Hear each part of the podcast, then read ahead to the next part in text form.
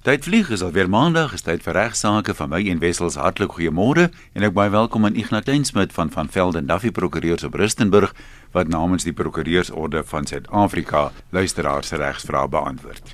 Ja, goeiemôre Ian, goeiemôre luisteraars. Uh lekker om hier te gesels na die middelmaart al reeds en dis uh Julius Caesar se Ides of March is nou vir, vir iets van die verlede, maar dankie dat jy ingeskakel is en ek hoop jy gaan dit interessant vind. Ek het 'n skrywe ontvang van uh Kobus Stander. Hy sê uh eersins baie hoë agting aan jou as geleerde vriend en dan sê is daar wette vir regulasie wat die verhuuring van eiendom soos huise, woonhede en so meer hanteer en kan ek weet wat hierdie wet is? Wat is die maksimum deposito wat die huurder verplig is of nie verplig is nie om te betaal? Wat moet die eienaar of verhuurder met die deposito doen? Moet die deposito rente verdien en wie sal die rente toekom? Tot wanneer het die verhuurder tyd om dit terug te betaal? Hy sê soos jy kan sien het ek 'n probleem met die betaling van deposito en wanneer verhuurder sommer deposito vra en jy aan die einde van die tydperk van die huur dan vra vir die terugbetaling daarvan.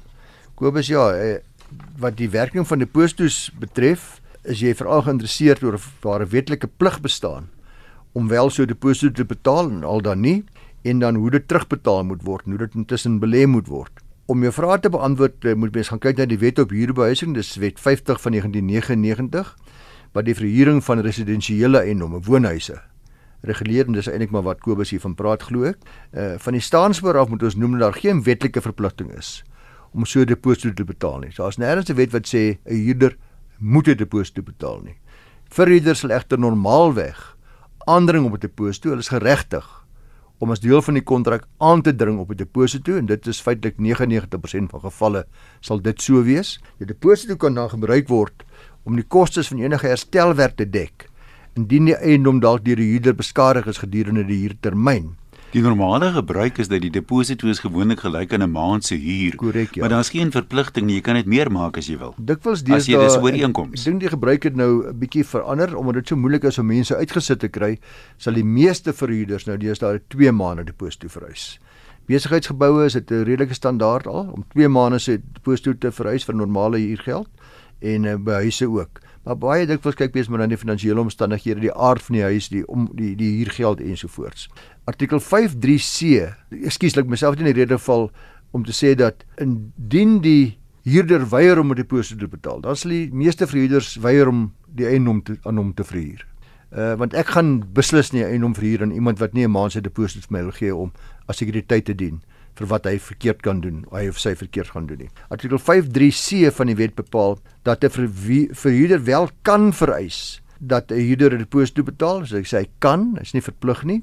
Indien 'n verhuurder so 'n deposito vereis, dan bepaal artikel 53D dat die huurder, ek sê dat die verhuurder verplig is om die deposito tot krediet van die huurder te belê per rentedraende rekening. So ek moet hy geld vat dit in 'n bankrekening gaan belê en die krediet, die rente daarop is tot voordeel van die huurder. Dit maak nie saak wat die rentekoers is nie, moet net 'n rente dra. Dit moet net 'n redelike billike koers wees, ja. Daar word niks in die wet daaroor gesê nie.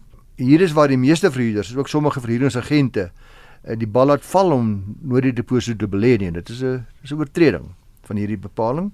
Huurders weet ongelukkig nie altyd van hierdie vereistes nie. Nog minder weet huurders dat hulle gedurende die termyn van die huurkontrak die verhuurder kan versoek om skriftelike bewys te lewer dat die deposito wel belê is. Ek kan vra, gee my staat. Ek wil sien waar daai geld lê, by watter bank en wat die rentekoers is, nadat dit rente verdien. Dan by beëindiging van die huurkontrak luisteraars, moet die deposito plus rente binne 7 dae aan die huurder terugbetaal word. Maar soos reeds genoem, mag die verhuurder voor die terugbetaling die redelike herstelkoste of koste verbonde aan die vervanging van byvoorbeeld sleutels wat weggegooi is of koste vir vervanging van teëls wat gebreek is of wakkies of wat nie. Ja. Redelike slytasie uitgesluit, dan aftrek van daardie bedrag wat terugbetaalbaar is aan die huurder. Om vas te stel vir watter herstelwerk die huurder aanspreeklik is, moet daar natuurlik voor en na da na die begin en beëindiging van die huurkontrak inspeksies van die eiendom gedoen word. Dis belangrik. Anders is daar gewellige argumente oor hoe die eiendom gelyk het en hoe hy nie gelyk het nie. Dis die verhuurder se plig om seker te maak dat hierdie inspeksies plaasvind. Let wel die verhuurder, want ek wil nou hierdie geld af gaan trek as die huurder dalk nou skade aangerig het.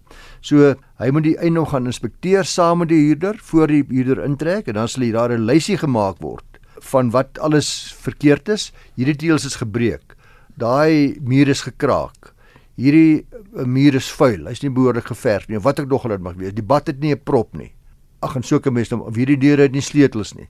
'n Lys van al die defekte wat dan sal dien as bewys van uh wat reeds verkeerd was en uh om dan ook dan aan die einde van die verhuuringstydperk sal daar weer 'n inspeksie gedoen word en dan sal daar gekyk word wat die defekte is wat op daardie stadium bestaan. Uh en sien waar 'n behoorlike en goeie instandhouding is en as daar dan behoorlike instandhouding was en daar's niks snaaks word die volle deposito met rente dan terugbetaal. Het net nou genoem dat wat mense sommer noem wear and tear, redelike slytasie. Ja, ja, ja. As jy nou 10 jaar in 'n plek gebly het, die mure gaan 'n vuil kol hier en nee, daar hê. Natuurlik ja, nee, daai uh, die howe en almal hier is baie normale slytasie is die verantwoordelikheid van die van die eienaar van die huis. Uh, aan die ander word daar moet verwag word dat uh, plekke gaan ouer word. Matte gaan uitgetrap raak daai. Matte gaan uitgetrap word daai soort ding. Maar byvoorbeeld normale slytasie sal nie sigaretstompies op die mat wees nie. Ja. Daar daar moet die matte vervang word. Uh die posisie ten opsigte van rente luisteraars op hierdie deposito kan verskil in die geval waar daar van verhuuringsagente gebruik gemaak word. Dis 'n een uitsondering. Artikel 5D van die Wet op Huurbehuising sê dat verhuuringsagente moet gehoor gee aan die Wet op Eiendomsagentskaps aangeleenthede wat bepaal dat hulle alle rente van beleggings aan die getrouheidsfonds moet betaal. So daai rente as 'n verhuuringsagente dan gaan die rente wat hulle gemaak het moet aan die moet aan hulle getrouheidsfonds van agente oorbetaal word tensy daar skriftelik anders ooreengekom is tussen die agent en die verhuurder. So wanneer jy dis so eindwen deur middel van so 'n agent hier kan jy net aanspraak maak op die rente op jou deposito doen dit is so ooreengekom is met die agent baie uitdruklik. Andersins sal hy geld na die uh, getrouheidsfonds toe gaan. Baie dankie. Ek dink dis nogal insiggewend en wat prakties dikwels gebeur, ongelukkig dink ek is dat jy betaal die deposito die verhuurder gebruik dit om goederes aan te koop. Dit word nie apart belê nie en nou kom die tyd wat jy uittrek sê net jy 10000 rand wat ek al betaal as deposito nou het die ou nie die kontant gereedelik beskikbaar nie en dis nou wat die pop op die fan stryk want ek wil speel ouens dan vir tyd en begin sê ja maar eers die matte laat skoonmaak en al hierdie tipe van goed So weer eens ek dink die praktiese raad gewoonlik hoe meer in detail 'n mens kan uh, daai inspeksieverslae goed doen, hoe minder gaan jou probleme agterna wees. Baie baie waar. Mevrou Dien skryf vir my daar uit Natal nogal in Engels. Terloops is my altyd interessant hoeveel Engelse briewe ons kry, Jan. Is, ons het RSG het baie Engelse luisteraars. Jy sien dit by SMS lyn ook gereeld. Ja ja, is baie interessant vir my. Sy sê dat 'n uh, sekere persoon haar geld geskuld het, 100 000 rand. Sy noem Elk Sy sê Elk het gesterf en sy het nie eers teen die boedel ingestel nie. Sy dood eenvoudig net versuim. Sy het ook eers baie laat van die afsterwe van Elk gehoor. Ek dink die boedel was waarskynlik alreeds afgehandel. Elk se vrou B het alles geërf, sê sy. En nou weier Elk se vrou om hierdie 100 000 rand vir haar terug te betaal met rente. Sy sê as hulle as hulle hele klompie rente lyk vir my, die bedrag het al amper verdubbel lyk vir my. En Alex se vrou sê jammer, sy moes dit van die boedel geëis het en sy het dit nie van die boedel geëis het nie, maar sy het net maar te laat. Sy kan nie hier geld kry nie. Uh, sy vra het ek 'n eis teen haar? Ek kon nie mooi die briefie agterlyf sy dalk 'n prokureur het nie. Iewers praat sy van legal advice wat sê nee, maar uh, ek gaan maar aanvaar dat sy nee, ek gaan maar die algemene beginsels net van hierdie tipe van eis bespreek. Die twee bekendste gronde luisteraars op grond waarvan ons uh, eis teen ander mense kan instel of mense kan dagvaar is wanneer 'n kontrak bestaan. Dit spreek van self, waarskynlik almal goed en die kontrak nie nagekom word nie, is kontrakbreuk. En natuurlik die ander geval is waar iemand 'n onregmatige daad teenoor jou pleeg. Hy het skade wat hy veroorsaak het aan jou op 'n skuldige of 'n nalatige of onregwaardige wyse, byvoorbeeld jou voertuig ongeluk wat jy gehad het. Die twee vrae wat ons dus alledaags vra voordat ons sê dat ons gaan dagvaar, is eerstens waar 'n kontrak is wat nie nagekom is nie of tweedens is daar dan nie 'n kontrak is nie of daar 'n onregmatige daad gepleeg is. Nou, die vraag ontstaan nou wat gebeur in gevalle soos in hierdie geval waar 'n persoon 'n skade gelei het of benadeel is en dit waar was geen kontrak gewees nie en daar was ook nie 'n onregmatige daad ontstaan nie. Dit beteken dat sodanige persoon geen eis of regstremede het nie. Onthou nie hierdie vrou het niks verkeerd gedoen, sy het geërf. Sy het haar erfporsie gekry en sy het dit gevat. Sy het nie die die geld geskuld aan uh, die boedel het die geld geskuld aan aan die luisteraar. Nou ek wil dit verduidelik in die hand van die volgende voorbeeld. Uh, A sluit 'n kontrak met B. A voer sy deel van die kontrak uit, maar voordat B sy deel van die kontrak kan nakom, ontdek hulle dat hulle kontrak ongeldig is en nooit tot stand gekom het nie. Daar was nooit 'n kontrak gewees nie. Dit is apinitio nietig. Wat nou? Eerstens bestaan daar geen kontrak nie, as jy kan nie terug eis op grond van kontrakbreek nie. Tweedens het daar nie onregmatige daadplase vind nie. As daar iets wat aanhou kan doen om sy geld terug te eis, ja. Daar word in ons reg verwys na sulke gevalle as verrykingseise. Daar word dus gesê dat B se boedel ten koste van A verryk is. A kan dus op grond van verryking nou eis instel teen B om sy goedere wat hy in terme van die kontrak reeds gelewer het, maar nou is dit ongeldig, terug te eis. Want A het ryker geword of B liewers het ryker geword ten koste van A. Uh kom ons kyk kortliks net na verryking self en die, ek gaan net die breë trekke daarvan bespreek. Die grondslag is daarop gebaseer dat enige persoon wat iets ontvang sonder dat daar enige goeie rede of eisoorsaak daarvoor bestaan, is verryk. Uh en die persoon van wie dit ontvang het, is verarm. Uh die verrykte persoon is verplig om die goed wat hy ontvang het aan die verarmde persoon terug te gee. Indien 'n persoon is geld aan 'n ander persoon betaal het, byvoorbeeld omdat hy nou die indruk was dat hy die geld verskuldig het. Ek betaal aan meneer A die geld terwyl ek eintlik aan meneer B verskuldig is. Per ongeluk betaal ek aan A die geld het jy dus die geld sonder goeie rede betaal en is 'n duidelike geval van verryking, nê. Nee. Ek het vir Jan die geld betaal, maar ek het dit vir Piet geskuld. Jan moet die geld terugbetaal vir my, hy's verryk. Net so is goedere wat gelewer is gevolg 'n nuwe nietige kontrak sonder 'n goeie rede is daar verryking ook ter sprake. Die doel van die hele verrykingsaksie is dus om die onbillikheid of onredelikheid te voorkom in gevalle waar 'n persoon iets ontvang sonder 'n goeie rede en dan weier om dit terug te gee.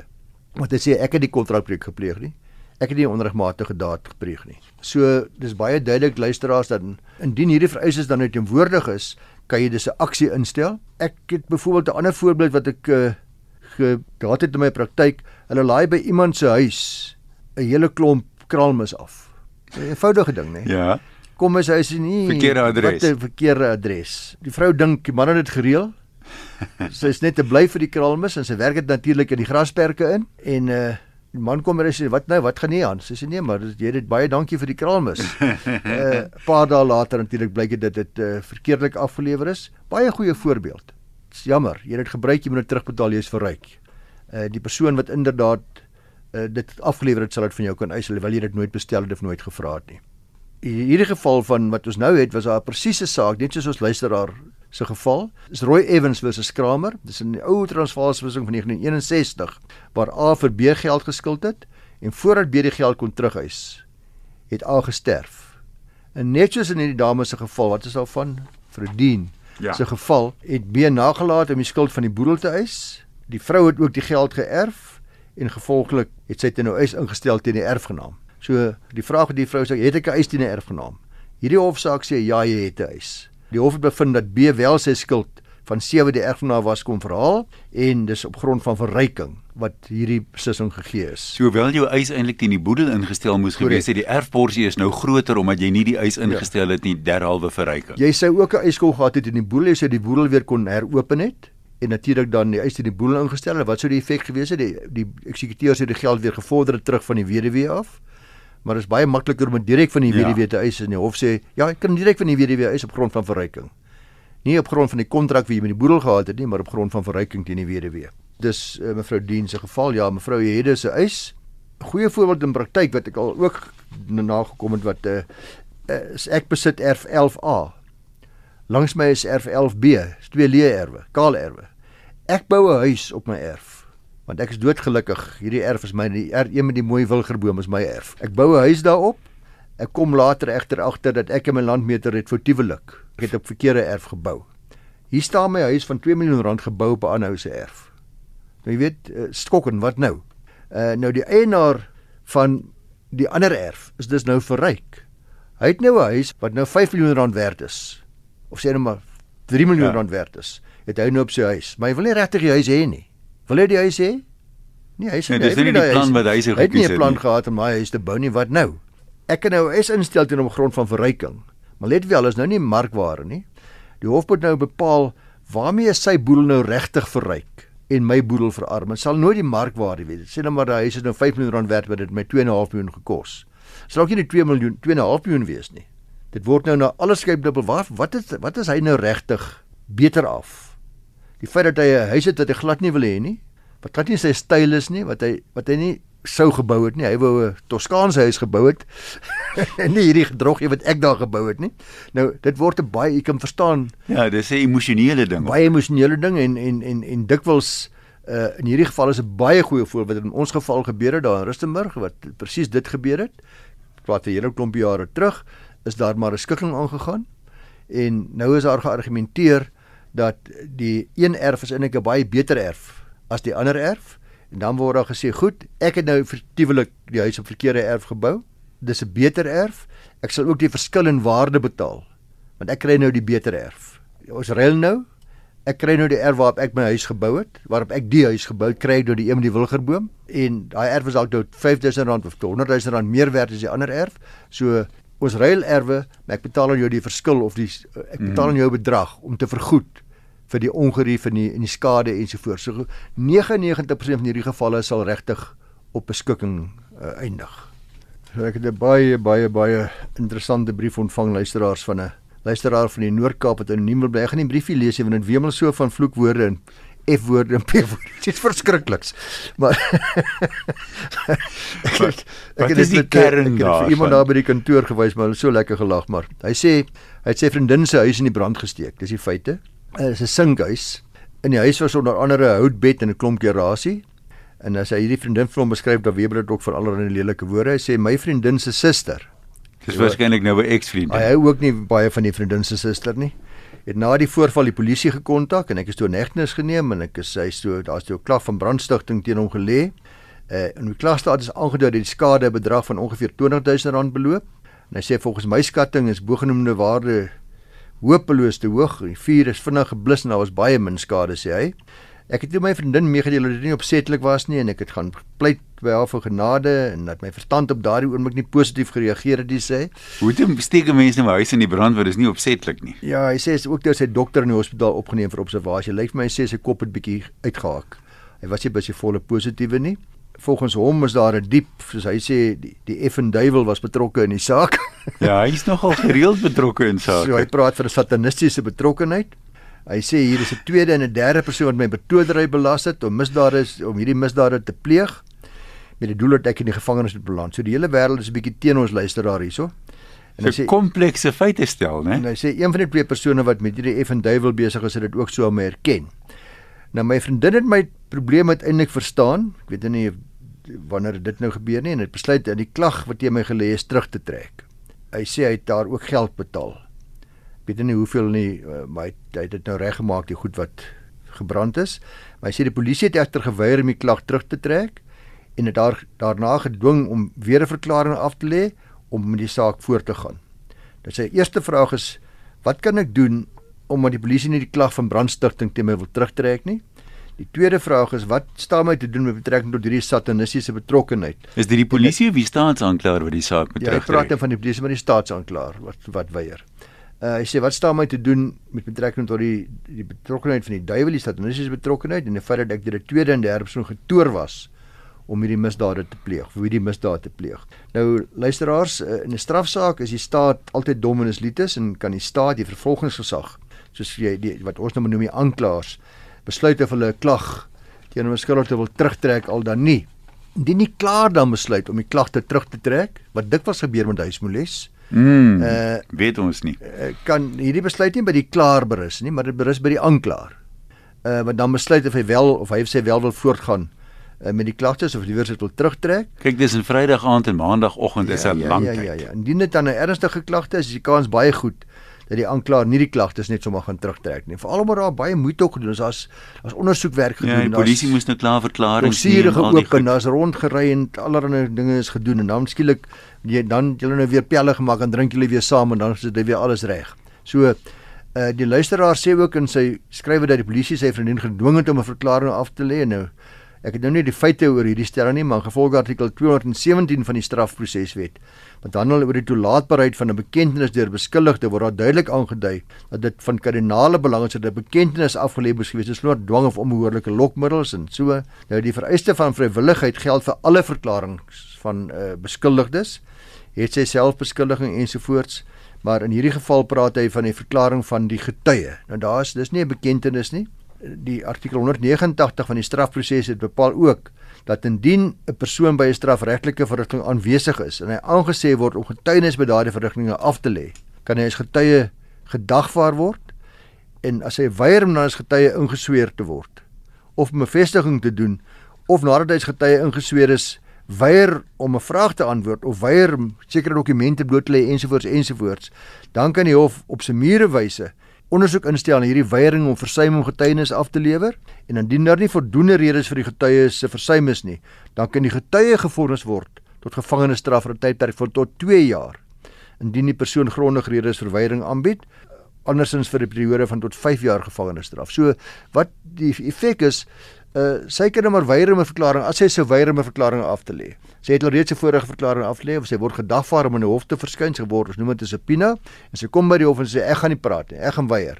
Dan kan die hof ondersoek instel na hierdie weiering en, en en as die hof dink dat sy net bloot eenvoudig weier om die hof by te staan, dan kan sy gevonnis word in gevolg hierdie artikel tot gevangenisstraf. Net so sê artikel 200 van die strafproseswet dat 'n getuie in strafregtelike verrigtinge kan weier om op 'n vraag wat by die geskilpunt relevant is te antwoord slegs omdat die antwoord 'n privaat regtelike aanspreeklikheid aan sy kant behels. Dit is iets wat myself wat persoonlik van aard is. Die hof kan dus die vriendin verplig om te getuig indien dit in belang van reg en geregtigheid is. Dis is maar die kruks daarvan. Wat die tweede vraag betref, dit is dat hy nou onder die invloed was en hy's getoer en hy's eh, deur Satan beïnvloed ensovoorts en hy sê sy verstand het nie positief gereageer nie ensovoorts. Uh, hier het ons te doen met toerekeningsvatbaarheid. Hy beweer hy was nie toerekeningsvatbaar nie. En indien hy kan bewys dat hy in so mate getoor was en sy verstand uh, tot so mate aangetast was dat hy ontoerekeningsvatbaar is was tydens die pleeg van die misdaad, dan het hy natuurlik wel 'n kans om onskuldig bevind te word. Ek dink dit is 'n maklike bewyslas om jou van te kwyt nie. Baie baie moeilik. Jy sal onthou, een ons het so 'n paar weke terug volledig gepraat oor wat toerekeningsvatbaar ja. is nie. Toets dit daarvoor. Ek gaan dit nie alles weer herhaal nie, behalwe om te sê hy moes oor die geestesvermoë beskik het ten einde die reg om te besef wat hy doen, reg of verkeerd is. In sy geval waar hy sê as is die toedery en satanistiese betrokkenheid ontoerekeningsvatbaar, dink ek dit gaan 'n amper onmoontlike bewyslas wees vir hom om hom daarvan te kwyt. Uh veral nie sonder mediese getuienis, sielkundige getuienis tot die effek nie. So die kans dat hy sal slaag indien hy slegs vir 'n kort tydjie voor en tydens hierdie handelinge nie binne sy vermoë opgetree het, is maar baie gering en uh, as hy nie deskundige getuienis gaan gaan lei nie. So om 'n lang storie kort te maak uh, aan ons luisteraar, ek is jammer om te hoor van jou al jou probleme, maar ek is bevrees dat u sommer moet gaan aanvaar dat u dat die staat geregtig is om u aan te kla vir hierdie brandstigting. Dit gaan natuurlik versagtend wees uiteindelik dat jy intussen dalk uh, gehelp het om die skade aan die dames se eiendom te vergoed. Daar is ook in die strafproses weet ek dink is artikel 300 waar daar bevel gemaak kan word as jy skade veroorsaak het dat jy dit moet terugbetaal as deel van die strafregtelike verrigtinge sonder dat jy nou 'n siviele eis hoef in te stel. Ja, dis 'n vergoedende boete en uh, ons gebruik dit baie dikwels as prokureurs om vir mense te sê, weet jy wat, uh, jy kan nou 'n siviele dagvaarding instel vir die skade aan jou goedere. Maar dis 'n duur proses. Ek moet nou in siviele hof gaan dagvaar. Kom ons lê eers die kriminele klagte en dan versoek ons die vervolgingsgesag om wanneer vonnis ter sake kom te vra vir 'n vergoedende boete in terme van artikel 300. In uh, ander woorde die hof gaan dan byvoorbeeld sê jy word gevonnis tot 2 jaar gevangenisstraf wat opgeskort word onderhewig daaraan dat jy die skade van 50000 vergoed teen paemente van R1000 per maand vir die volgende 50 maande by versuim waarvan die gevangenisstraf in werking gestel sal word. So dis 'n baie oulike manier om 'n klomp regskoste te spaar en 'n klomp siviele kostes te spaar deur te vra liewers vir 'n vergoedende bevel. Dit is ook dikwels meer uh, spoedig om liewers eers die strafpad te volg en eers te kyk wat daar gebeur. Natuurlik is die hof nie verplig om 'n vergoedende boete te die hof kan in sy wysheid besluit uh, om te nee, jammer, hierdie ou moet direk tronk toe gaan. Uh, en dan natuurlik moet jy maar besluit daarna of dit moeite werd is om hom te dagvaar vir die vir die skade. Uh, baie mense verkies om dadelik te dagvaar vir die skade en daar's ander oorwegings dikwels want uh, jy's bang die bates wat hy nog het raak weg of hy verdwyn die soort van dinge. Maar in die meeste gevalle sal 'n uh, prokureur wat koste bewus is en sy kliënte uh, graag van koste wil spaar eers probeer kyk of hy die aanklaer kan oortuig om 'n vergoedende boete vanaf die hof te vra. En ek dink daar's baie gevalle waar dit prakties eintlik baie goed werk. Ja verseker so. Net dis al vir vandag. Kom ons sê net weer as luisteraars hulle vra vir beantwoording op regsaake wil stuur, kan jy dit direk stuur vir Ignas. Sy e-posadres is igna@ffd www.rsg.co.za. Ek sê dit maar altyd, maar daar is altyd nog mense wat dit om een of ander rede nie hoor of lekker verstaan nie. Nou kan nie telefonies vir jou regsadvies gee of uh, persoonlik vir jou skryf en sê maar dit en dit en dit is wat jy moet doen nie.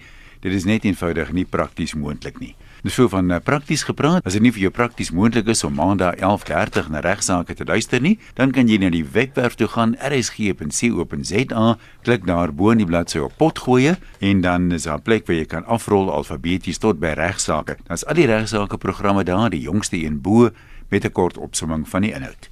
Van my en Wessels, mooi loop ons praat volgende maandag die EV weer.